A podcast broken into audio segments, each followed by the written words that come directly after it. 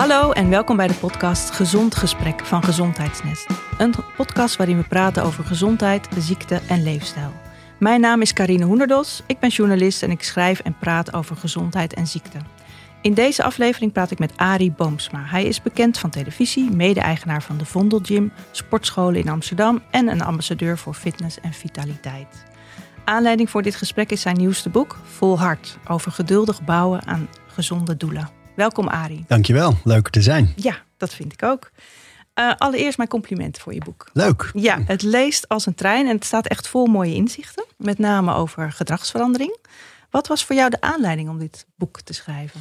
Ik heb hiervoor een boek geschreven dat heette Fit. En dat was in kleine stappen naar een gezonder leven. Dus hoe je je leven in kleine aanpassingjes uh, kan veranderen om gezonder te leven op het gebied van slaap, voeding en beweging. En toen dacht ik, ja, mensen weten op een gegeven moment uh, dat, hè, hoe je gezond kan leven en hoe het misschien wel zou kunnen. Maar we lopen heel vaak aan tegen uh, dat moment dat, dat je afhaakt en dat je iets voorneemt en dat het niet lukt. Dus dacht ik wil, ik wil onderzoeken wat er nou allemaal komt kijken bij volhouden. Um, bij je neemt jezelf iets voor en hoe ga je dat dan ook doen en blijven doen vooral. Dat wilde ik vooral zelf onderzoeken en uh, op een gegeven moment dacht ik daar zit een heel mooi nieuw boek in omdat dat denk ik is wat iedereen wel eens meemaakt. Of het nou op het gebied van gezondheid is, of de Spaanse gitaar leren spelen, of Duits leren. Het kan van alles zijn, maar je neemt je iets voor en, en dan komt er een traject daarna. En uh, daar gaat het boek over. En dat was de reden om het te schrijven. Ja, en, en we nemen dit op terwijl corona nog uh, volop woedt. Volop woedt.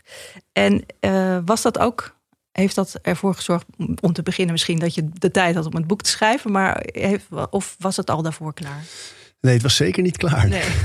nee. het grootste deel is wel echt midden in die hele quarantaine geschreven. Het grappige is, ik vind op heel veel vlakken dat die coronacrisis een soort urgentie met zich meebrengt. En echt een noodzaak om bepaalde dingen te doen. Of het nou gaat over de toon op social media of het ondernemen met sport. Um, en dat was ook bij het schrijven van dit boek het geval. Omdat ik, ik merkte gewoon dat het heel vaak ging over wat we nu bijna allemaal het moeilijkst vinden, is dat ons ritme zo veranderd is. De dingen die we gewend zijn te doen op een manier die we doen, dat is allemaal anders. En daar gaat dit boek heel erg over. Van hoe vind je een nieuw ritme? Hoe zorg je ervoor dat dat de nieuwe gewoonte wordt in de dingen die je doet? Dus ik merkte dat ik heel vaak zelf die, die, hele crisis in gedachten had. En dan schreef ik wel in de zomer van 2020, dat je het boek ook nog een paar jaar later kunt lezen natuurlijk.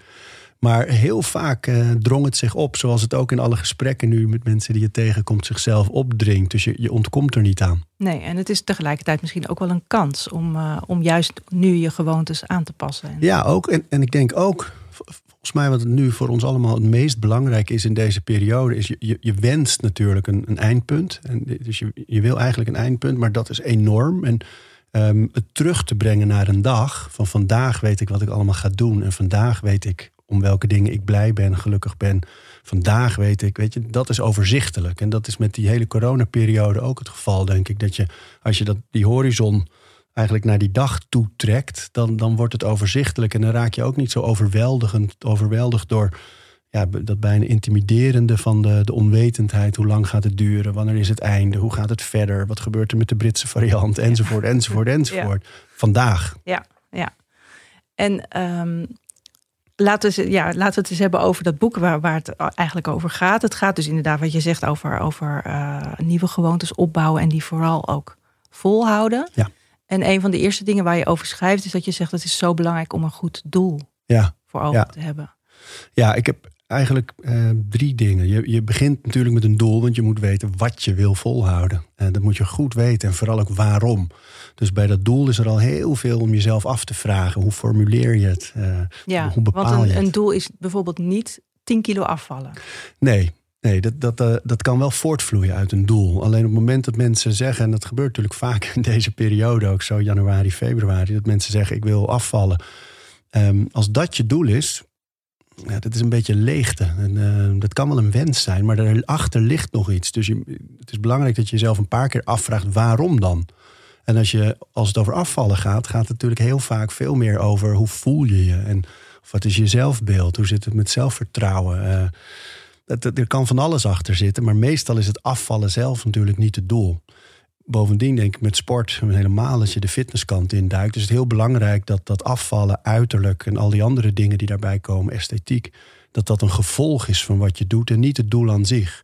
Dus op het moment dat je ergens heel veel plezier in hebt, laat het wandelen zijn of uh, uh, bomen klimmen, wat dan ook, dan is het gevolg dat je misschien meer verbrandt en afvalt. Maar dat, het doel is, ik wil beter worden in wandelen of ik wil uh, 10 kilometer kunnen lopen of ik wil een betere tijd neerzetten. Dat zijn doelen. En wat maakt die doelen anders dan als mensen denken van ik wil, ik wil tevreden over mezelf zijn als ik in de spiegel kijk? Wat, wat zorgt ervoor dat je die doelen van ik wil beter wandelen beter vol kunt houden? Nou, um, een doel eh, moet bij voorkeur zo concreet mogelijk zijn. Dus stel dat dat het is, hè, dat je zegt ik, ik wil mezelf beter over mezelf voelen als ik in de spiegel kijk, dat, dan is dat, dat is een wens. Maar daar moet een concreet doel bij. Dus dan zou een doel kunnen zijn en daarvoor ga ik voortaan twee keer per dag groente eten bij mijn maaltijden. Of ik ga zorgen dat ik elke dag een half uur of drie kwartier intensief beweeg. Dus dat wordt het doel. Uit, ondertussen vergeet je natuurlijk niet dat andere, dat, dat die wens, die, die hoort daar echt wel bij. Want Ja. dat is belangrijk voor je kennelijk. Dus maar het is dat belangrijk doel, om de wens te vertalen naar een, een heel meetbaar en haalbaar en concreet doel. Ja, want er zijn, eigenlijk zijn er drie dingen. Dat doel, daar begint het mee. Weet wat je wil volhouden. Dan is er je, je, je gewoontes, je gedrag. Dat gedrag en die gewoontes moeten gericht zijn op dat doel. En dan is er omgeving. En die omgeving moet ervoor zorgen dat die, dat gedrag en die gewoontes in stand kunnen worden gehouden. En daar gaat het vaak mis.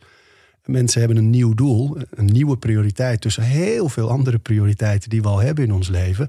En dat moet daar ineens tussen. Dus als er dan in die omgeving, in je leven, niet genoeg veranderd wordt of niet genoeg wordt aangepast, dan is daar helemaal geen ruimte voor. En dan is het dus, zoals over het algemeen, na twaalf dagen of een paar weken, dat doel weer overboord, omdat het gewoon niet past in ons leven.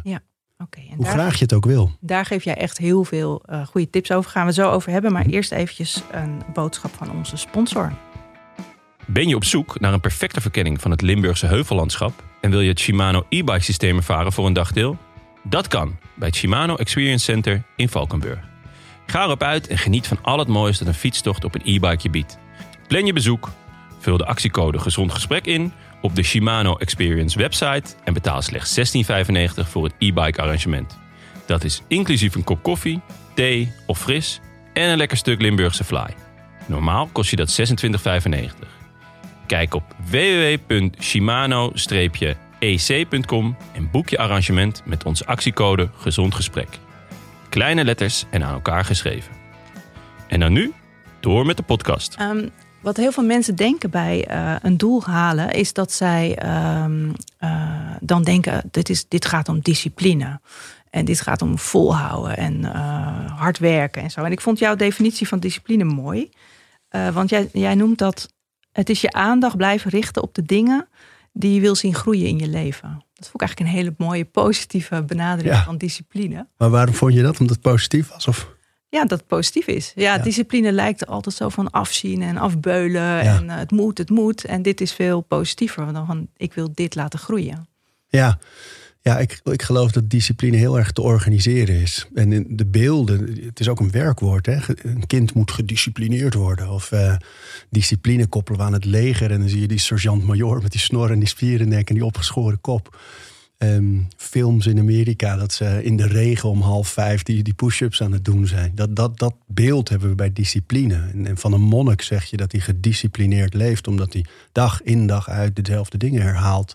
En dat is allemaal waar. Alleen, ik denk in ons leven, je kan discipline heel goed organiseren. En dan wordt het eigenlijk gewoon gewoonte. Dus ehm, iemand die zich voorneemt om te gaan hardlopen, die kan die omgeving aanpassen, die discipline organiseren. door te zeggen: van ik leg mijn eh, hardloopkleding naast mijn bed. Of ik slaap er misschien wel in. Eh, ik maak een afspraak met iemand. Ik ga vroeg naar bed. Dat zijn allemaal dingen waarop je discipline kunt organiseren. En dan wordt het inderdaad veel meer iets van: wat wil ik heel graag? Nou is het zaak dat ik daarop gericht blijf. En dan komt discipline natuurlijk om de hoek kijken. Als je normaal gesproken dan weer afhaakt. Om dan door te zetten. Ja. Daar moet veel voor gebeuren. En ehm, nou ja, je noemt dus al, het is dus heel erg belangrijk dat je dat je, je omgeving meeneemt. Hè? Of dat je daar dingen in verandert. Kun je Ja. daar iets over vertellen? Hoe, hoe doe je dat dan? Ja, we laten die, die hardloper dan weer als voorbeeld Ja. nemen. Iemand Dat neemt is ook een goed voor. voorbeeld, want daar ben ik zelf ook mee bezig. hey, kijk Ja. hoe lang al? Nou, ik was heel lang gedis- ge- eh, Gedisciplineerd. gedisciplineerd. nee, ik had een blessure. Dus ik ben heel lang gestopt en ik ben nu weer langzaam beginnen, begonnen. En ik heb echt als doel voor ogen dat ik dat mooie rondje in de duinen straks kan hardlopen. Dus ik, ik, uh, ik heb echt een heel duidelijk doel gevisualiseerd. Wat dat betreft doe ik het goed volgens mij. Lekker. ja, die, die hardloper, stel iemand neemt zich voor om voortaan elke dag voor het werk of voor welke dingen maar beginnen elke dag uh, te gaan hardlopen. Dus dat is het doel. Ik wil elke dag dat doen. Vervolgens heb je dat die gewoontes, dat gedrag. Dus uh, er moet hardloopkleding, schoenen gekocht worden.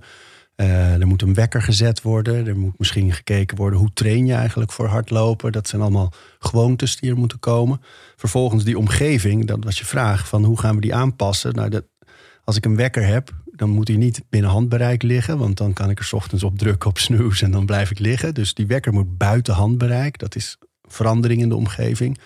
Je kan dus in die hardloopkleding alvast gaan slapen. Dan is er geen obstakel van, oh ik moet het nog uit de was halen of ik moet nog zoeken. Nee, het ligt er al. Um, dat zijn allemaal eigenlijk dingen die je aan kan passen in de omgeving. Misschien moet je afspraak maken met een vriend of vriendin. Van we doen het samen. Dat je iemand hebt die een beetje je stok achter de deur is. Dat kan uh, natuurlijk heel goed werken.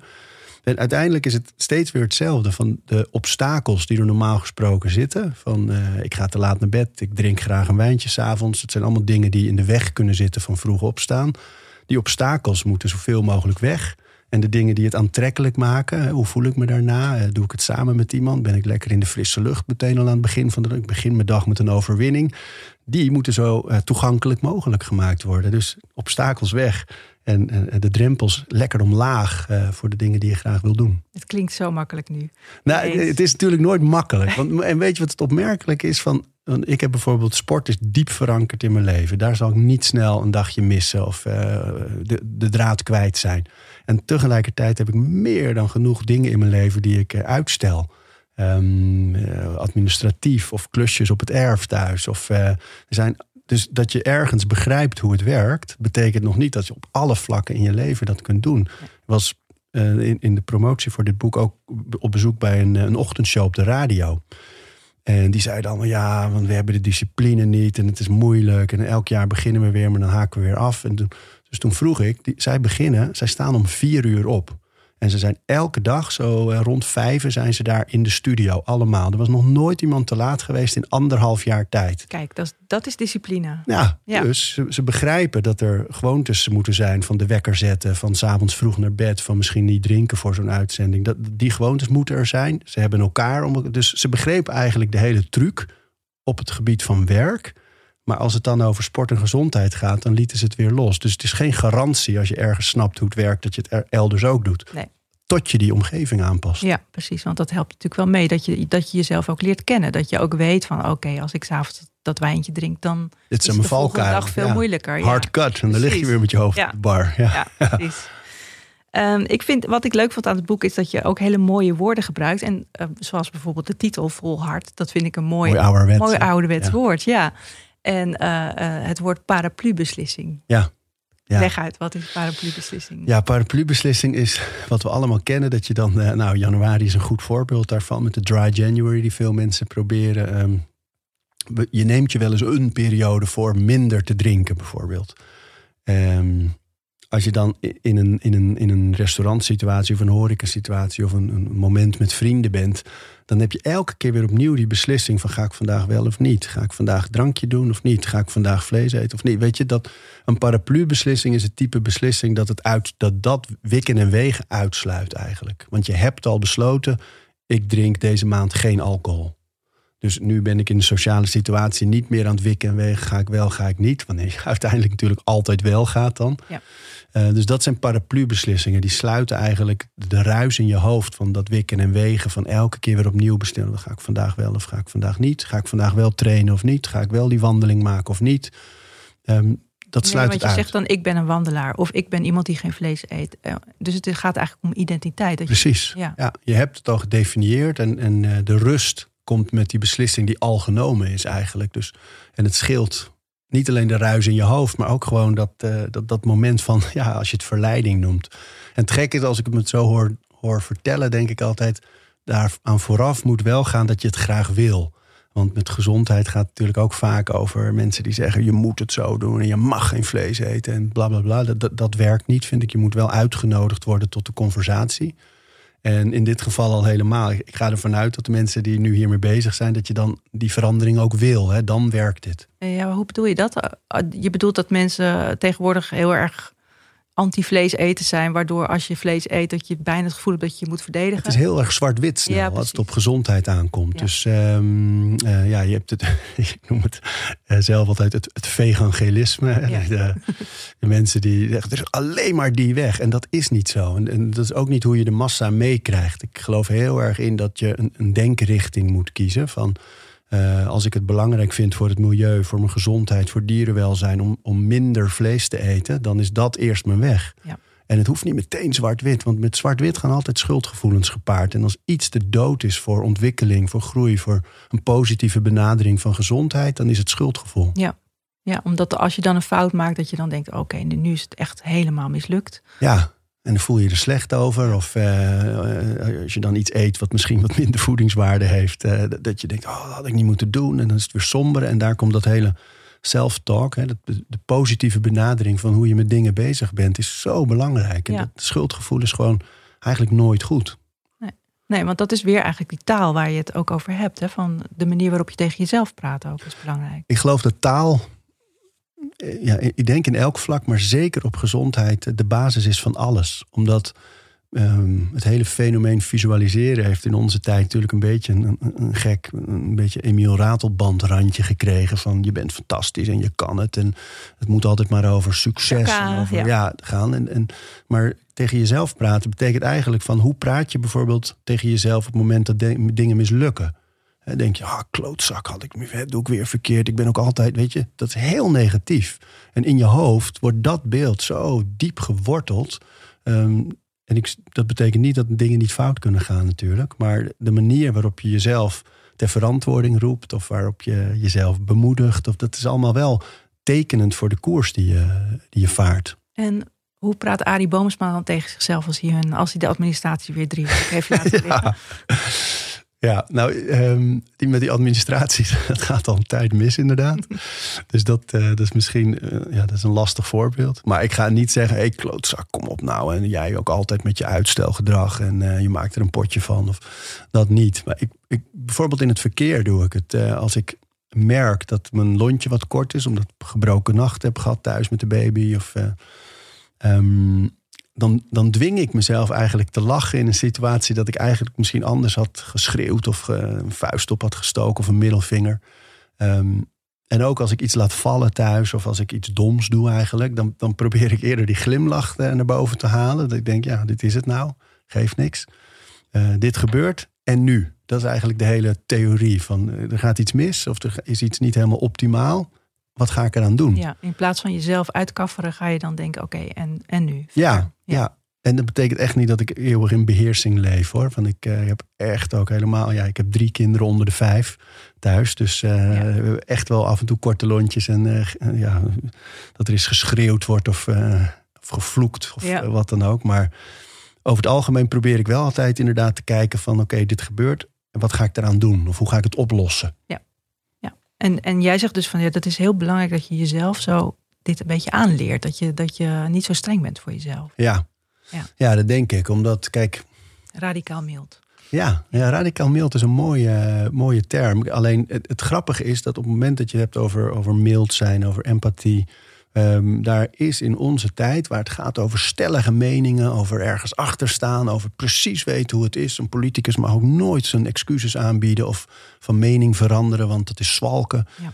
Um, we, we, leven in een tijd van zwart-wit ook. En dus op het moment dat je mild bent of empathisch, of dat je denkt, nou, daar moet ik even over nadenken, want ik weet het niet zo goed, dat wordt als zwak gezien. En ehm, dat is denk ik, als het gaat over je zelfbeeld en over je gezondheid, een hele gevaarlijke stelling. Van het kan alleen maar zo. Dat gaat natuurlijk nooit goed. Dus mild zijn betekent dan van oké, ik neem me voor om elke dag te bewegen. En als dat vandaag niet lukt, dan ben ik, hebben we morgen weer een dag. Het is oké. Ja. is oké. Ja, en, en dat is dan niet dat je inderdaad, dan ben je dus niet zwak. Tenzij je dat elke dag tegen jezelf zegt. Het is weer niet gelukt. Want dan moet je dus gaan onderzoeken waarom dat dan weer, weer ja. niet lukt. Ja, ja dat is altijd. Het is één dagje mis is niet erg, morgen weer een dag. Twee dag wordt een patroon. Ja. En, um, en daar moet je denk ik wel voor uitkijken. Maar het is ook. Het is een beetje zoals dat je vroeger voor een schoolreisje niet kon slapen. En daar had je echt geen last van de volgende dag als kind. En dat is ook heel vaak, als je best wel goed aan het eten bent. en je hebt een keer echt een uitgeleider. dat je een totaal voedingswaardeloze maaltijd bestelt ergens. Of, uh, dat geeft niet. Weet je? Het is een dag. Het is een dag. Het is oké. Ja. ja. En hoe zit het dan met plezier? Is het dan ook iets om van te genieten? De, die voedingswaardeloze maaltijd? Ja, um, ja nou, stel je vraag. Ja, wat nou ja, kijk, over. Uh, ik denk dat heel veel mensen denken als ze werken aan gezondheid van het werken. Hè? Het is werken, het is hard werken, het is niet per se leuk. En als ik bijvoorbeeld kijk naar jou op je Instagram, dan, dan post je allemaal workouts met, met stoelen en glijbanen en emmers. weet ik veel allemaal. Aan de zakken. De zakken. En volgens mij heb je er gewoon lol in. Ja. Ja. ja, ik denk dat dat leidend is. Van, van, er is iets ontstaan. Met een lange ei of met een korte ei? korte, korte. Ehm, het lijden bij sport is ook ouderwets, denk ik. Het afzien. Ja. Dat je zelfs trainers soms hoort zeggen van... nou, je hebt geluk, nog twee seconden. Ik denk, nee man. Uh, of dat je in een, in een groep uh, burpees aankondigt en dat je oh, hoort. Terwijl je zou denken, nee man, waarom train je? Om iets nieuws te leren, om beter te worden, om betere conditie, meer energie, optimistischer. Dus. Maar um, het, plezier moet leidend zijn. En daarmee bedoel ik eigenlijk dat wij zijn heel erg ingestapt in een soort modus van... Er komt een moment in het jaar dat je denkt, oké, nou, ik uh, voel me niet helemaal zoals ik wil. Dus ik ga naar een sportschool. Eh, dat is een soort logische stap geworden. Terwijl je zou eigenlijk moeten denken als een, als een topsporter: van hoe leef ik? Wat is mijn werk? Eh, hoe is mijn gezinssituatie of mijn thuissituatie? En welk type training heb ik ervoor nodig om dat zo optimaal mogelijk te doen? Dus in mijn geval bijvoorbeeld, ik wil de energie hebben om met mijn kinderen te spelen. Elke dag, ook als ik na een lange week thuis kom, dan wil ik nooit zeggen: nee, ik ben moe. Altijd ja, ja, ja. En, en dat vereist een bepaald type training. Dus ik vind het veel interessanter om te kijken wat is er in jouw leven nodig. Zit je veel? Hè? Dan is er een, bepaald type training interessant om dat, dat zitten tegen te gaan. Grote bewegingen. Maar, maar op die manier denken zorgt er ook voor dat je plezier krijgt. Want dan zie je ineens de verbanden met hoe je kan trainen. Dat dat gericht is op de bewegingen die je nodig hebt en de energie die je nodig hebt in je leven. En dus dan wordt het veel meer trainen als ondersteunend voor het leven. En niet als soort noodzakelijk kwaad omdat je af moet vallen of uh, meer energie nodig hebt of wat dan ook. Ja. Je moet iets vinden dat je echt leuk vindt. Ja. En jij zegt van ja, bij heel veel mensen is het een reflex om naar de sportschool te gaan. Nou heb je zelf sportscholen, dus ja. op zich is dat natuurlijk voor jou een hele fijne reflex. Maar uh, hoe, hoe zit dat? Uh, wat voor taken kan de, de, sportschool hebben daarin? Nou, dat heb je nu heel sterk gemerkt in die crisis. Dus hoe belangrijk het is dat er een omgeving is waar je wordt mee uh, getild eigenlijk, waar je bij hoort. Dus ik geloof ook heel erg dat uh, sport wordt sowieso essentieel de, in de toekomst natuurlijk. Iedereen heeft nu goed door. Je gezondheid, je weerstand moet goed zijn. Dus we moeten blijven bewegen, welke manier van bewegen dat ook is. Um, maar zo'n sportschool of elke sportvereniging kan ook nog die, die verenigende functie hebben. Dus je, stapt in een gemeenschap waar je bij hoort. Waar gelijkgestemden bezig zijn, waar je contact hebt met mensen, waar je samen ergens aan werkt. En uh, dus dat hele verenigingsgevoel wordt denk ik essentieel nu.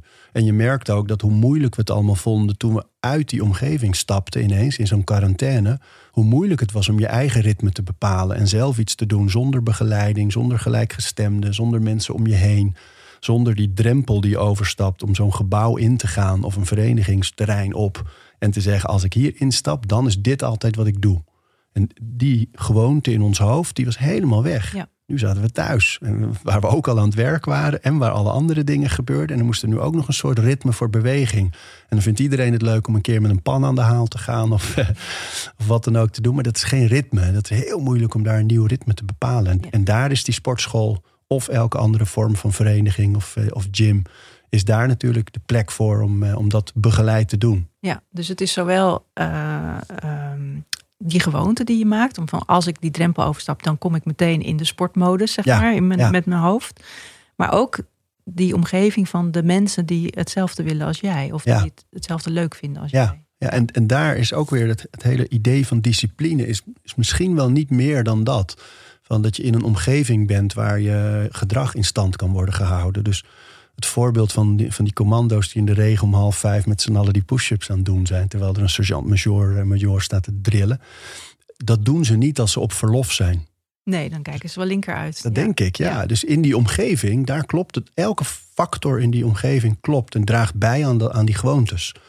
En dat is ook wat we, wat we met een sportschool of vereniging vinden. Van daar stap je in. Nu stap ik in de gewoontes. En ik heb met mezelf al de afspraak. Als ik daar ben, doe ik dit. En dat zijn allemaal factoren die bijdragen aan die ontwikkeling. Ja. En is dat iets wat je, wat je eigenlijk al wist voor corona? Of is het iets wat, wat sterker naar voren is? Sterker naar voren, ja. Kijk, dat vind ik zelf het leuke aan schrijven. Dat je onderzoekt natuurlijk terwijl je schrijft. En, uh, en, en komt tot inzichten van dingen. Oh ja, sommige dingen heb je altijd al zo gedaan. Jij, ik, wij. Ehm, en dan als je erover schrijft en je koppelt het aan een wetenschap of aan een ander inzicht of een ervaring, denk je, oh ja, zo zit het. Met, met de afwas van. Nou, dat ik vroeger een hekel had. De allerergste afwas van het jaar was de afwas met kerst. Want er waren allemaal mensen. Mijn vader was jarig. Er was veel familie, veel bezoek. En aan het einde van de dag aten we dan je was wel vier keer op een dag aan het afwassen. En dat waren ook geen kleine afwasjes. De hele aanrecht stond vol. En we hebben het over de jaren tachtig. Eh, geen afwasmachines. Vol aan de bak gewoon. En dat mijn oma toen op een keer mij het hele fenomeen van ordenen uh, leerde. Van oké, nee, wat je dan doet. Je spoelt eerst alles af. Dan stapel je het netjes. Dan doe je nieuw vers water. En dan begin je met de glazen. En ineens was in elk van die kleine stappen... werd die hele, dat monsterlijke aanrecht met die afwas werd overzichtelijk. En stap voor stap wist ik, oh, nu doe ik dit en nu doe ik dit. Dus ik was niet bezig met het geheel. Ik ben niet bezig met de horizon van corona. Ik ben bezig met wat, wat ik wel uh, kan, kan beïnvloeden en wat overzichtelijk is. En, en dat soort inzichten van, oh ja, dat begreep ik toen al wel. En nu koppel ik het ineens aan de tijd en aan sport en aan doelen denk, oh ja. wetenschap dus ook. Want ik, ja, je, volgens mij lees jij ongelooflijk veel. Of je luistert heel veel podcasts of allebei. Ja. ja, want wat zijn jouw inspiratiebronnen voor, uh, voor dit boek? Want uh, ik, ja, ik las dingen over zen-boeddhisme, boeken van gedragsdeskundigen. En... Ja, ja, alle kanten op. Van de, er staan van Tolstoy en Nietzsche tot uh, Barack Obama. en inderdaad, allerlei zen-boeddhisten staan er quotes en citaten ook in. Omdat dat zo zie ik de wereld ook gewoon. Van, we kunnen van iedereen iets leren natuurlijk. En um, het leuke vind ik van soms, ik vind dat de wetenschap wel leidend moet zijn. Maar in sommige gevallen, als je bijvoorbeeld hebt over zen-boeddhisme of de hele uh, Ayurvedische uh, wetenschap, nou, wetenschap noem ik het nu, die is eigenlijk ingehaald. Dus hoe ze dat in die Ayurvedische school altijd al deden, is nu de wetenschap in bepaalde vlakken in ieder geval tot de ontdekking gekomen: ja, dit klopt. Of Wim Hof, waar in 2008 nog om gelachen werd. Wat een gek was dat, vond iedereen. En inmiddels heeft de Radboud Universiteit en allerlei andere wetenschappers hebben aangetoond dat wat hij doet met ademhaling, koude training, stressmanagement, dat het inderdaad goed is voor je weerstand en gezondheid. Wetenschappelijk aangetoond en dan krijgt het waarde. Ja. En, en dat vind ik interessant. Van soms is een, een, een, een visie, een theorie, een ervaring, een inzicht is gewoon inspirerend. En soms heb je even de wetenschap nodig om dat inspirerende ook nog te onderbouwen, zodat het echt, echt wortel schiet. Ja. ja. En vind je soms dat de wetenschap dan te laat is of dat er te veel waarde wordt gegeven aan die wetenschap? Terwijl, ja, zoals wat je oma deed met de afwas, dat wordt dan later door gedragsdeskundigen verklaard in een model waar je denkt, ja, mijn oma deed het al, die wist het al. Ja, maar dat is denk ik een vraag over, uh, over doelgroep ook. Omdat wat je nu bijvoorbeeld heel sterk ziet op, op social media, hè, dat iedereen is op zoek naar gidsen. En, en heel vaak wordt de gids van iemand degene met flink bereik of met andere bronnen van identificatie. Hè, dat, dat ze, ze denken, oh ja, jou vertrouw ik en jou ga ik geloven. Ja. En in heel veel gevallen speelt de wetenschap daar weinig rol. En dat is natuurlijk ook wel een riskante ontwikkeling. Dus ik, ik denk dat het wel belangrijk is om, om ook altijd, helemaal als het over gezondheid gaat, om wel te toetsen dat of als je zelf die wetenschappelijke kennis niet hebt, dat je het veilig in grote lijnen en puur op de inspiratie houdt. Maar op het moment dat je bijvoorbeeld dingen gaat roepen over uh, supplementen, over, supplementen over vasten, over, weet je, dan moet je echt wel die wetenschap achter de hand hebben of kunnen verwijzen naar autoriteiten die daar echt, echt goede dingen over zeggen. Omdat ja, dat, dat denk ik wel een riskant vlak. Ja. Om, uh, en hoe heb jij dat gedaan met je boek dan? Nou, ik heb een, een paar voedingswetenschappers in ieder geval die ik graag raadpleeg. En, en ik hou en met name over voeding, hou ik het altijd heel erg veilig en heel erg dicht bij mezelf.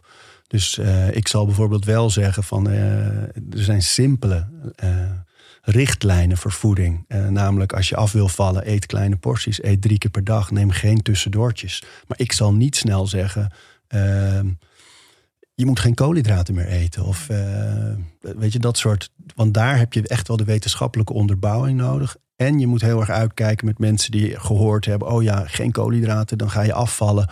En die verder helemaal niet nadenken over wat ze dan misschien aan andere voedingswaarden en vezels en zo allemaal zouden missen. Of mensen die resoluut met vlees stoppen en niet weten dat je dan toch echt wel een beetje B12 bij moet gaan slikken. Ja. Dat soort dingen, daar, daar blijf ik zelf het liefst bij vandaan. Daar hou ik het in grote lijnen en veel meer op het gebied van tips. Bijvoorbeeld over hoe je boodschappen doet of hoe je ervoor kan zorgen dat je genoeg groente eet. Ja. Dat vind ik veilig en ik, ga, ik waag me niet op het wetenschappelijk ijs. En als ik dat wel doe, dan zet ik er een naam bij van een wetenschapper eh, waar ze meer informatie daar nog over kunnen vinden. Ja. Want hoe zit dat met, jij noemt het gids of influencer. Hè? Ehm, jij zegt zelf ook al van uh, het werkt niet als je, mens, als je doet wat de buurvrouw doet of wat, wat, de buurman doet. Hè? Je moet je eigen weg vinden. Mhm. En toch, ja, we kunnen, we kunnen zeggen dat het niet zo is, maar het is wel zo. Jij bent een influencer, dus jij, mensen volgen jouw uh, patronen. Hoe, hoe, hoe, ja. hoe wrikt dat? Ja, nou ja, um, ik zal, dat bedoel ik met you, you gotta be invited to the conversation. Je, je, moet echt uitgenodigd worden advies te geven, vind ik, voordat je echt een kant op duwt. Dus ik zeg bijvoorbeeld wel van ik eet uh, zelden vlees. Dat, dat heb ik mijn redenen voor en die kan ik dan delen. Maar ik zal nooit zeggen, jij moet dat ook doen, want het is beter of zo. Ja. Uh, daar, daar zit voor mij een belangrijk onderscheid. En ik heb op mijn hele toon heb ik gekozen van uh, mijn, mijn invloed. Hè, als influencer, wat beïnvloed je dan eigenlijk? Um, die moet positief zijn en aanreiken en nooit duwen, nooit sturen. Ja. Dus ik, ik zal op het gebied van gezondheid niet keiharde stelling nemen over uh, vaccinaties of over vasten of over. Ik kan alleen maar zeggen: uh, ik doe dit want of ik doe dit, lees dat is. Dat wel. Maar over bewegen neem je wel keihard stelling. Ja, ja, ik geloof echt dat je in onze tijd, in onze shuffle-tijd, waar zoveel gebeurt en waar we zoveel willen in ons leven. En dan heb ik het niet eens over dat je agenda helemaal vol staat, maar er is zoveel afleiding en zoveel mogelijk. Dat leven kun je niet optimaal aan als je niet zorgt voor een goede gezondheid met beweging, voeding en slaap. Dat is onmogelijk. Dus daar neem ik wel echt stelling in. Om, ook omdat daar de wetenschap heel duidelijk over is. Er is nog een pandemie gaande momenteel. Ja, Scherder was hier en die heeft het hier ook benoemd, weet ik bij je. Die, ja, klopt. Die, die pandemie vanaf 2012, bewegingsarmoede, 5,3 miljoen doden per jaar. Herhaalde die ook nog eens in jouw uitzending. Ja. Ehm, en, en tegen beide pandemieën die nu wereldwijd voeren, is beweging een schild. Dus dat is zo, ja, daar durf ik wel stelling over te nemen. Ja. Ja. En dan vind je het ook wel prettig als je daarmee mensen beïnvloedt. Ja, kijk, en ik heb, mijn vader is dominee. en ehm, eh, ik geloof zelf ook. En ik krijg vaak de vraag van ben je dan ook niet een beetje een dominee? En ik denk dat het verschil wel is dat ik niet graag in antwoorden praat. Ik, ik vind het fijn om vragen te stellen, om aan te reiken. En mensen moeten zelf maar die conclusies trekken. Maar ik enthousiasmeer wel graag. En als het gaat over beweging, is mijn hele doel om te laten zien dat de bewegingen die je kent uit de sportschool zijn bewegingen die je overal in het leven tegenkomt. Uh, squatten, dat is alleen maar zitten en opstaan. Een burpee is alleen maar vanaf je buik opstaan. Uh, een Turkish get-up is vanaf je rug opstaan. Een iets van boven pakken of naar boven duwen is een shoulder press. Iemand wegduwen is een bench. Het zijn allemaal bewegingen. Functioneel trainen, ja. Overal zijn. Dus, en daar plezier in te vinden en, uh, en, en ze te herhalen en ze efficiënt te maken. Dat, is mijn hele doel. En daar, dus daar wil ik wel op beïnvloeden. Maar ik zal nooit zeggen, je moet dit doen, want anders, gaat, anders word je ziek. Of anders uh, ben je fout bezig. Of, en dat is voor mij het, het verschil. Dus ik zal nooit... Uh, duwen en nooit evangeliseren in die. In die en geen hel en verdoemenis roepen. Nee nee. nee, nee, nee, Er moet aan vooraf gaan dat iemand zegt: Ik wil dit. En dan kunnen we praten. Als je dat niet hebt, joh, dan komt het wel. Er moet altijd. Het is net met een alcoholist. Er moet een noodzaak zijn, een bodem geraakt worden voordat iemand echt verandert. En dat is hier ook zo. Ja, ja, oké. Nou denk ik dat heel veel mensen denken, ja oké, dit is Arie Boomsma, die heeft de juiste genen, de juiste looks. Hij, heeft, hij wordt betaald om fit te zijn. Hij, wordt, uh, hij kan er alle tijd voor vrijmaken. eh, om even met de advocaat van de duivel te spreken. Jij hebt makkelijk praten. Als je je boek leest, dan lees je tussen de, de regels wel door van nou, dat is wel anders. Maar ehm, wat, wat zeg je als mensen dat zeggen? Want ik, ik kan me niet voorstellen dat ik dit nooit hoor. Nee, hoor ik ook wel eens. Ja, ja, dan zeg ik altijd, ik heb drie kinderen, drie kinderen thuis onder de vijf. En uh, mijn vrouw en ik hebben... Zij, zij, is wel veel meer thuis dan ik normaal gesproken. Maar we hebben wel de verdeling dat ik bijvoorbeeld tot uh, de kinderen naar school gaan... Heb ik de volle verantwoordelijkheid. En ik ben ook eigenlijk op twee dagen na elke dag rond half drie thuis. En dan neem ik de kinderen ook weer over tot het avondeten. Um, ik doe elke avond de avondroutine met bad. Nou ja, in ieder geval, de opvoeding is één ding.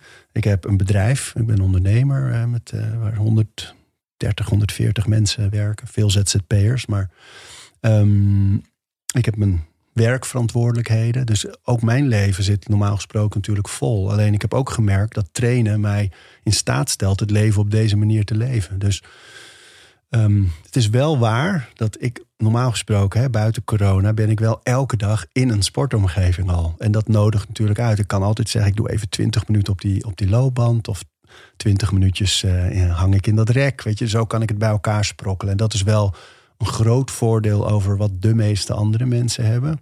En tegelijkertijd lopen we allemaal tegen dezelfde dingen aan, namelijk het aantal uren in de dag, de prioriteiten die we hebben in ons leven. En daar ergens tussen uh, moet sport en beweging uh, geplakt worden. En dat is voor mij precies hetzelfde. Ja. Dus ja, mensen die dat zeggen, dan zeg ik wel vaak: uh, heb je ook een gezin? kijk eens op je schermtijd op je telefoon. Daar schrikt iedereen van, want dat is zelden onder de drie uur. Tijdrovers noem jij dat? Ja, tijdslurpers zelfs. Ja, die, uh, kijk, want dat is denk ik wel wat je, wat je eerst moet doen. Op het moment dat mensen zeggen: Ja, maar ik heb het te druk. Want ik heb, uh, zoveel, ik heb mijn kinderen thuis, ik heb mijn baan, ik, heb, ik wil ook nog dit, ik wil ook nog dat. 100% van de gevallen is dat een kwestie van prioriteit. Dus dan vind je andere dingen belangrijker dan beweging. 100%. Ja, dat, daar is geen uitzondering op. Dat is altijd. Als je niet toekomt aan beweging, dan is er altijd dus vind je andere dingen belangrijker. Dat, dat kan niet anders. Ja. En, Want, en je zegt dus ook, en is er ook vrij gemakkelijk tijd vrij te maken als je kijkt naar die tijdslurpers. Ja, ja. ja die tijd. Dus stel, stel dat je aan de lage kant zit. Hè. Je hebt ongeveer 2,5 uur per dag op je telefoon. Elke dag 2,5 uur. Uh, dat is nog los van Netflix, van televisie kijken eventueel, van uh, uh, even op de bank hangen s'avonds. dat zijn ook, kunnen ook belangrijke dingen zijn in het leven. Maar alles bij elkaar Stel dat je elke dag tien uur werkt, zes dagen in de week. Dan heb je nog steeds, als je een goede acht uur slaapt, moet je kijken hoeveel uur je nog over hebt. Ja. Nou, het moet heel gek lopen, wil je niet ergens een half uurtje op die hele dag kunnen vinden om te bewegen. En als dat niet is naar een sportschool of een vereniging gaan, dan kan het wel zijn van ik parkeer mijn auto wat verder van de deur in plaats van zo dichtbij mogelijk. Ik loop met mijn zware boodschappentassen dat hele stuk over het parkeerterrein. Ik ga s'avonds uh, ja, nu even niet, met de avondklok. Vroeg in de avond, dan, ja. dan ga ik uh, een extra rondje met de hond. Of uh, ik maak een wandeling met het gezin. Of er is overal beweging. En het, het heeft echt alleen maar te maken met ervoor kiezen. Het ook echt in je agenda zetten. Want dat gaat vaak fout. Dat ja. mensen in hun hoofd hebben van ja, ik zou moeten of ik, ik wil dan en dan. Maar daar komt natuurlijk altijd iets tussen. Dus je moet het ook echt wel vastzetten. Op, het liefst op een vast moment. Maar je moet, nee, je moet niet aankomen met naar jezelf bedoel ik dan. Hè? Want ja, ik ben niet degene die je tot verantwoording hoeft te roepen. Maar je moet jezelf niet wijsmaken dat je te druk hebt voor je gezondheid. Dat nee. is echt heel. Uh, dat is gewoon niet waar. Nee, wat ik ook mooi vond in het boek is dat jij uh, een, volgens mij een, bijna een heel hoofdstuk besteedt aan nee zeggen. Ja. ja, maar dat is in onze tijd zo. Ik had wel met, met de corrector van het boek uh, daar een discussie over. Die zei: is dat niet, speelt dat niet alleen over um, voor uh, mensen die heel veel verzoeken hebben, met bekende mensen of uh, sprekers. En toen dacht ik, nee, dat is niet zo. In ons, wij worden eigenlijk allemaal overvraagd. Um, ja, want in het boek gaat het dan over dat jij zoveel e-mailtjes krijgt van kun je even in een podcast. Hé, hey, maar je zit hier wel gelukkig, je hebt wel ja gezegd. Maar ook nog zoveel andere mails en verzoeken. En, uh, en kun je even dit en, en wil je even deze vraag beantwoorden. En dat je dus hebt geleerd om echt heel specifiek en duidelijk nee ja. te zeggen. Ja, ik ben van nature een people pleaser, dus ik kom mensen graag tegemoet. En dat heeft in mijn, mijn leven heel veel geresulteerd in overal maar ja op zeggen. En ik, ik heb echt wel meer dan tien jaar, eh, zes, zeven dagen in de week gewerkt. En dat had ook een functie, want het heeft ook veel deuren geopend en contacten gelegd. En ervaring heb ik daarmee opgedaan. Dus dat was heel waardevol. Maar ik ben nu in een periode dat ik vind, ik heb mijn bedrijf en ik heb mijn gezin en ik heb mijn boeken. En dat zijn de dingen waar ik me op wil concentreren. En alle andere dingen waar ik ja op zeg, die moeten bij voorkeur ten dienste staan van een van die dingen. Want anders is het ruis en afleiding. En als ik drie avonden in de week het land in zou gaan om te presenteren of om discussies te leiden, dan zijn dat drie avonden dat ik niet thuis ben. Dat vind ik een hele belangrijke afweging. Dus, en ik merk ook dat op het moment dat je aanleert om op een beleefde manier te bedanken voor dingen die je gevraagd worden, dan, dan, dan, dan, dat geeft heel veel tijd. Ik, jullie doen hier ook podcasts voor de correspondenten. Die hebt uh, dat mooie boek uh, uh, Grip van Rick Pastoor. Ja. Het gaat daar ook over. Of van Stefan van der Stichel, gedragspsycholoog. Ook grip op je aandacht. Dat zijn allemaal dingen die eigenlijk om leren gaan. Thijs Launsbach ook, heeft daar ook boeken over. Druk, ja. Fucking druk. gaan allemaal over hoe zeg je nee, zodat je meer tijd hebt over de dingen die je echt wil doen. Want als je, ik vraag mezelf in de afgelopen jaren heb ik dat heel veel gedaan. Af van wat vind ik echt leuk en belangrijk om te doen. En hoeveel tijd besteed ik daaraan. En hoeveel tijd besteed ik aan dingen die ik moi vind. En daar schrok ik echt van. Mm. Hoe vaak je dan toch weer ergens op een gegeven moment toch weer een avond staat te leiden. Of een, een dagvoorzitterschap, zus of zo. Omdat het natuurlijk ook wel vaak een fijne boterham is. Maar daar was te veel tijd. En dat had, heb ik een tijd heel leuk gevonden en nu niet. Dus nu wil ik veel meer nee zeggen, zodat ik tijd heb voor de dingen die ik echt belangrijk vind. Ja. Of leuk vind. En de mensen die niet elke dag een verzoek krijgen om een dagvoorschitterschap te ja. doen, of uh, voor, hoe werkt dat dan? Nou, die worden misschien gevraagd om uh, uh, elke zaterdag mee te gaan het oud papier. En het zijn altijd dezelfde ouders die de kinderen voor het voetbal rijden. En het zijn altijd dezelfde.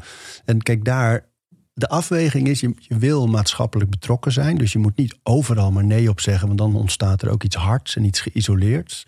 Maar je moet wel een afweging vinden van waar draagt dit aan bij.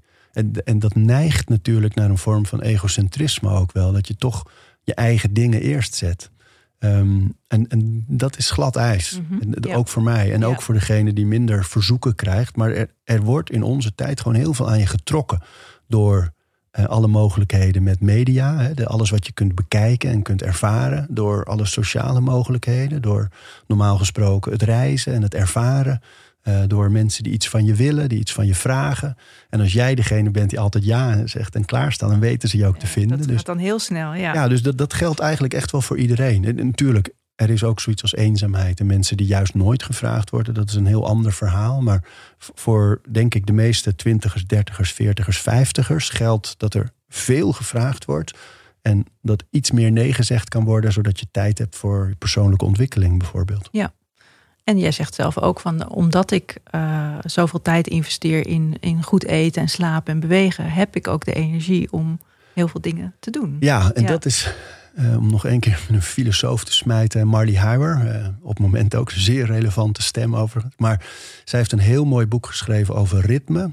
En zij gaf het voorbeeld, want je hoort vaak hè, als mensen het hebben over elke dag bewegen en gezond eten. En het wordt allemaal zo. En er is geen ruimte meer voor impulsiviteit. En, en ik- in haar boek komt naar voren dat juist heel veel ruimte ontstaat op het moment dat er een vast ritme is. Dus op het moment dat jij weet, ik heb in mijn agenda staan dat ik elke dag een half uur intensief beweeg. Dat, geeft ook rust, want het staat er al. Je hoef hoeft je niet meer over te beslissen. Precies. Je hoeft niet meer te denken, oh, wanneer ga ik dat doen? Ik wil dit nog en dat nog. Nee, het staat er. En zij vergelijkt het met een drummer die in het, hetzelfde ritme kan variëren. Of iemand die elke dag naar eh, haar werk rijdt. En dat is dezelfde afstand. eh, maar ze kan op allerlei routes daar naartoe. Dus in een vast ritme is nog heel veel variatie en heel veel ruimte mogelijk. En ik merk ook dat op het moment dat ik mijn trainen vastzet, ontstaat er in mijn agenda ook heel veel ruimte. Omdat ik weet, dit staat dat is een soort fundament. Ja. En daar komt ook niks tussen. En ik weet ook, oh ja, dan moet ik daarvoor en daarna niet te veel. Dus er ontstaat juist heel veel ruimte, ook voor impulsiviteit. Want iedereen die kleine kinderen heeft, weet dat je daar wel wat ruimte voor over moet houden. Ja. Ja, dus het is niet zo dat leefstijl jouw leven is. Het leefstijl zorgt ervoor dat jij je leven kunt Ja, leiden. het is hetzelfde als met dat trainen van het moet in dienst staan van. Ik, ik wil een bepaald leven en daar wil ik optimaal van genieten en veel, veel uithalen. En daar zijn bepaalde structuren voor nodig. En die, maar die moeten in ten dienst staan van. Nou, duidelijk. Ja. Nog eventjes een kleine break voor de commercial. Ben je op zoek naar een perfecte verkenning van het Limburgse heuvellandschap en wil je het Shimano e-bike systeem ervaren voor een dagdeel? Dat kan bij het Shimano Experience Center in Valkenburg. Ga erop uit en geniet van al het moois dat een fietstocht op een e-bike je biedt. Plan je bezoek, vul de actiecode Gezond Gesprek in op de Shimano Experience website en betaal slechts 16,95 voor het e-bike arrangement. Dat is inclusief een kop koffie, thee of fris en een lekker stuk Limburgse fly. Normaal kost je dat 26,95. Kijk op www.shimano-ec.com en boek je arrangement met onze actiecode Gezond Gesprek. Kleine letters en aan elkaar geschreven. En dan nu, door met de podcast. En we zijn bijna op het eind. Ehm, want het laatste hoofdstuk van je boek gaat over dankbaarheid. Ja. En waarom heb jij een hoofdstuk over dankbaarheid opgenomen in je boek? Omdat dankbaarheid en optimisme wind in de zeilen zijn van elke vorm van ontwikkeling, geloof ik. Of het nou als samenleving is of als individu. Wind in de zeilen van elke vorm van ontwikkeling. Ja, ja, ja. ik denk um, dat heeft ook met dat die self-talk te maken. Hè? Dat, uh, niet te verwarren met dat er geen ruimte is voor kritiek en voor twijfel en voor al die andere dingen hoor. Maar, maar uh, optimistisch zijn, uh, positief benaderen, dankbaar zijn voor wat er wel allemaal is. Dat zijn zulke belangrijke elementen als het gaat over persoonlijke groei. En op het gebied van sport gaat vaak over zelfbeeld, gaat vaak over hoe, je, hoe je voelt, hoe je eruit ziet. dus dat positief te benaderen, dat, dat kan al echt een hele mooie denkrichting geven. En ik geloof ook dat als je elke dag tegen jezelf, ja, dit lukt me toch niet, dit lukt me toch niet. Ja, dat, dat, dat, dat werkt, dat gaat iets doen met je. Ja. Met je ontwikkeling ook. En het is echt niet zo dat je altijd maar kan, kan roepen van uh, uh, dit ga ik doen en dat het dan ook maar meteen gebeurt. Maar het is wel, vind ik het leuke, ik weet niet of dat bij jou was, van Erik Scherder, of dat het eerlijk gezegd een andere neuropsycholoog was. Maar uh, dat visualiseren, dat voor je brein er niet zoveel verschil is tussen wat er gezegd wordt en wat, er, wat de realiteit is. Dus het blijven herhalen van iets positiefs, dat, dat, dat, dat, dat, dat doet echt iets. Ja, en, en die dankbaarheid, hoe, hoe toon jij dat of hoe breng je dat in je dag? Ik um, eindig elke dag met het opnoemen van drie dingen waarvoor ik dankbaar was die dag. En dat kan heel klein zijn, uh, de zon op mijn gezicht of de, de glimlach van een van mijn kinderen. Of, uh, de avocado was perfect rijp. Ja, gebeurt nooit. Ja. Of een ontmoeting op straat of uh, een passage die ik gelezen heb. Of, um, het, het kan echt van alles zijn, maar dat doe ik om twee redenen. Dat ik met een dankbaar gevoel ga slapen. Wat niet alleen, denk ik, een positieve ontwikkeling voor mezelf is, maar ook nog eens een keer helpt met een betere nachtrust. En die heb ik eerlijk gezegd van Ernst-Jan Fout uit zijn uh, dankboek, zie ik daarboven in de studio toevallig staan. Hm. Um, die komt daaruit, eerlijk ja. gezegd. En schrijf je het op of zeg je nee, het gewoon ik, voor jezelf? Uh, ik schrijf wel voordat ik naar bed ga ook iets op met pen en papier. Dat zijn de dingen die ik de volgende dag zou willen doen of moet doen soms. Uh, zodat ze uit mijn hoofd zijn. Zodat ik als ik s'nachts wakker word niet ga wikken en weet... oh ja, dit moet ik nog of dat moet, dit moet ik niet vergeten. Want die dingen heb ik opgeschreven, tastbaar op een papiertje met een pen nog. Um, zodat ze uit mijn hoofd zijn. En deze dingen noem ik gewoon. Die noem ik op het moment dat ik al in bed lig... Uh, noem ik ze op. Gewoon ja. in, in gedachten. Ja. Niet, niet, hardop. Niet hardop. Ik ben met z'n tweeën thuis. Nee. Misschien ook wel een gezellig maar, einde van de dag, toch? Het, om dat te delen. Dus ja een verhaal van Wilma Rudolph, in het, uh, de, de hardloopster. Dus die werd geboren met een ernstige aandoening aan haar been, had een beugel. En, uh, en uh, die zei op een gegeven moment tegen de artsen waar haar moeder bij was: van ik wil, ik wil leren basketballen. En die arts zei: Nee, jij zal nooit kunnen basketballen. En die moeder zei: Dat zal jij wel. En op een gegeven moment kon die beugel af. Haar broers reden haar naar fysiotherapie. En er was veel liefde thuis en, en hard gewerkt daarvoor. En die beugels konden af. Ze ging basketballen. Toen zei ze, en nu wil ik uh, atletiek gaan doen. Nee, zei de artsen, dat kan met jouw been niet. Dat, dat gaat, ja, dat kan je wel, zei die moeder. En op een gegeven moment is Wilma Rudolph atletiek gaan doen. En is ze Olympisch kamp, meervoudig Olympisch kampioen geworden. Een van de beste hardlopers ter wereld was in haar tijd. En toen journalisten haar vroegen van hoe kan dat? Want je werd zo geboren en in een tijd dat het voor jou ook niet bepaald makkelijk was medische ondersteuning te krijgen als, uh, als donkere vrouw, African American. En toen zei ze, uh, en de artsen zeiden dit en dit. En zij zei, ik koos ervoor mijn moeder te geloven. Dit, uitgaan van dat positieve. Mooi, en ja. ja. Ze is wel zeer dramatisch en vroeg om het leven gekomen. Ook door een vorm van dat kanker. Dus het is geen garantie dat het dan allemaal maar roze geur en ja. ja, Over garanties is. gesproken, dat is, dit, is, dit biedt natuurlijk ook allemaal geen garantie. Nee, nul. Dat vind ik heel belangrijk als het gaat over een boek vol tips en tricks. Het, is geen uh, recept voor geluk bijvoorbeeld. Ik, ik geloof echt dat op een goede manier, positieve manier bezig zijn met gezondheid je gelukkiger maakt dan je zou zijn als je dat niet doet. Maar het is, het is geen puzzeltje van doe dit en doe dit en dan is daar geluk of zo. Of dan is daar uh, dat je dat doel behaalt. Het blijft hard werken, geduldig zijn, tijd nemen. Uh, en zonder garanties dus. Zonder garanties, ja. ja. Maar het is wel, kijk, dat, het, is een, het is een zinvol pad. Het is een leuk pad. Een pad vol ervaringen. En uh, dat is belangrijker. En ik ben ervan overtuigd dat het gevolg altijd iets brengt. Dat wel. Ja, mooi. Dankjewel. Ja, leuk. Dankjewel voor Dank voor de uitnodiging. Ja. Je luisterde naar Gezond Gesprek, een podcast van Gezondheidsnet, gepresenteerd door Karine Hoenedos en met producer Jonne Seriese. De tune is van de Yearlings. Kijk voor meer informatie op www.gezondheidsnet.nl. Wil je reageren op deze uitzending? We hebben nu ook een e-mailadres en dat is gezondgesprek.gezondheidsnet.nl. En via Twitter zijn we te bereiken via Van Carine en Gezond Nieuws. Abonneer je vooral ook op iTunes en laat een review achter, zodat andere mensen deze podcast ook kunnen vinden.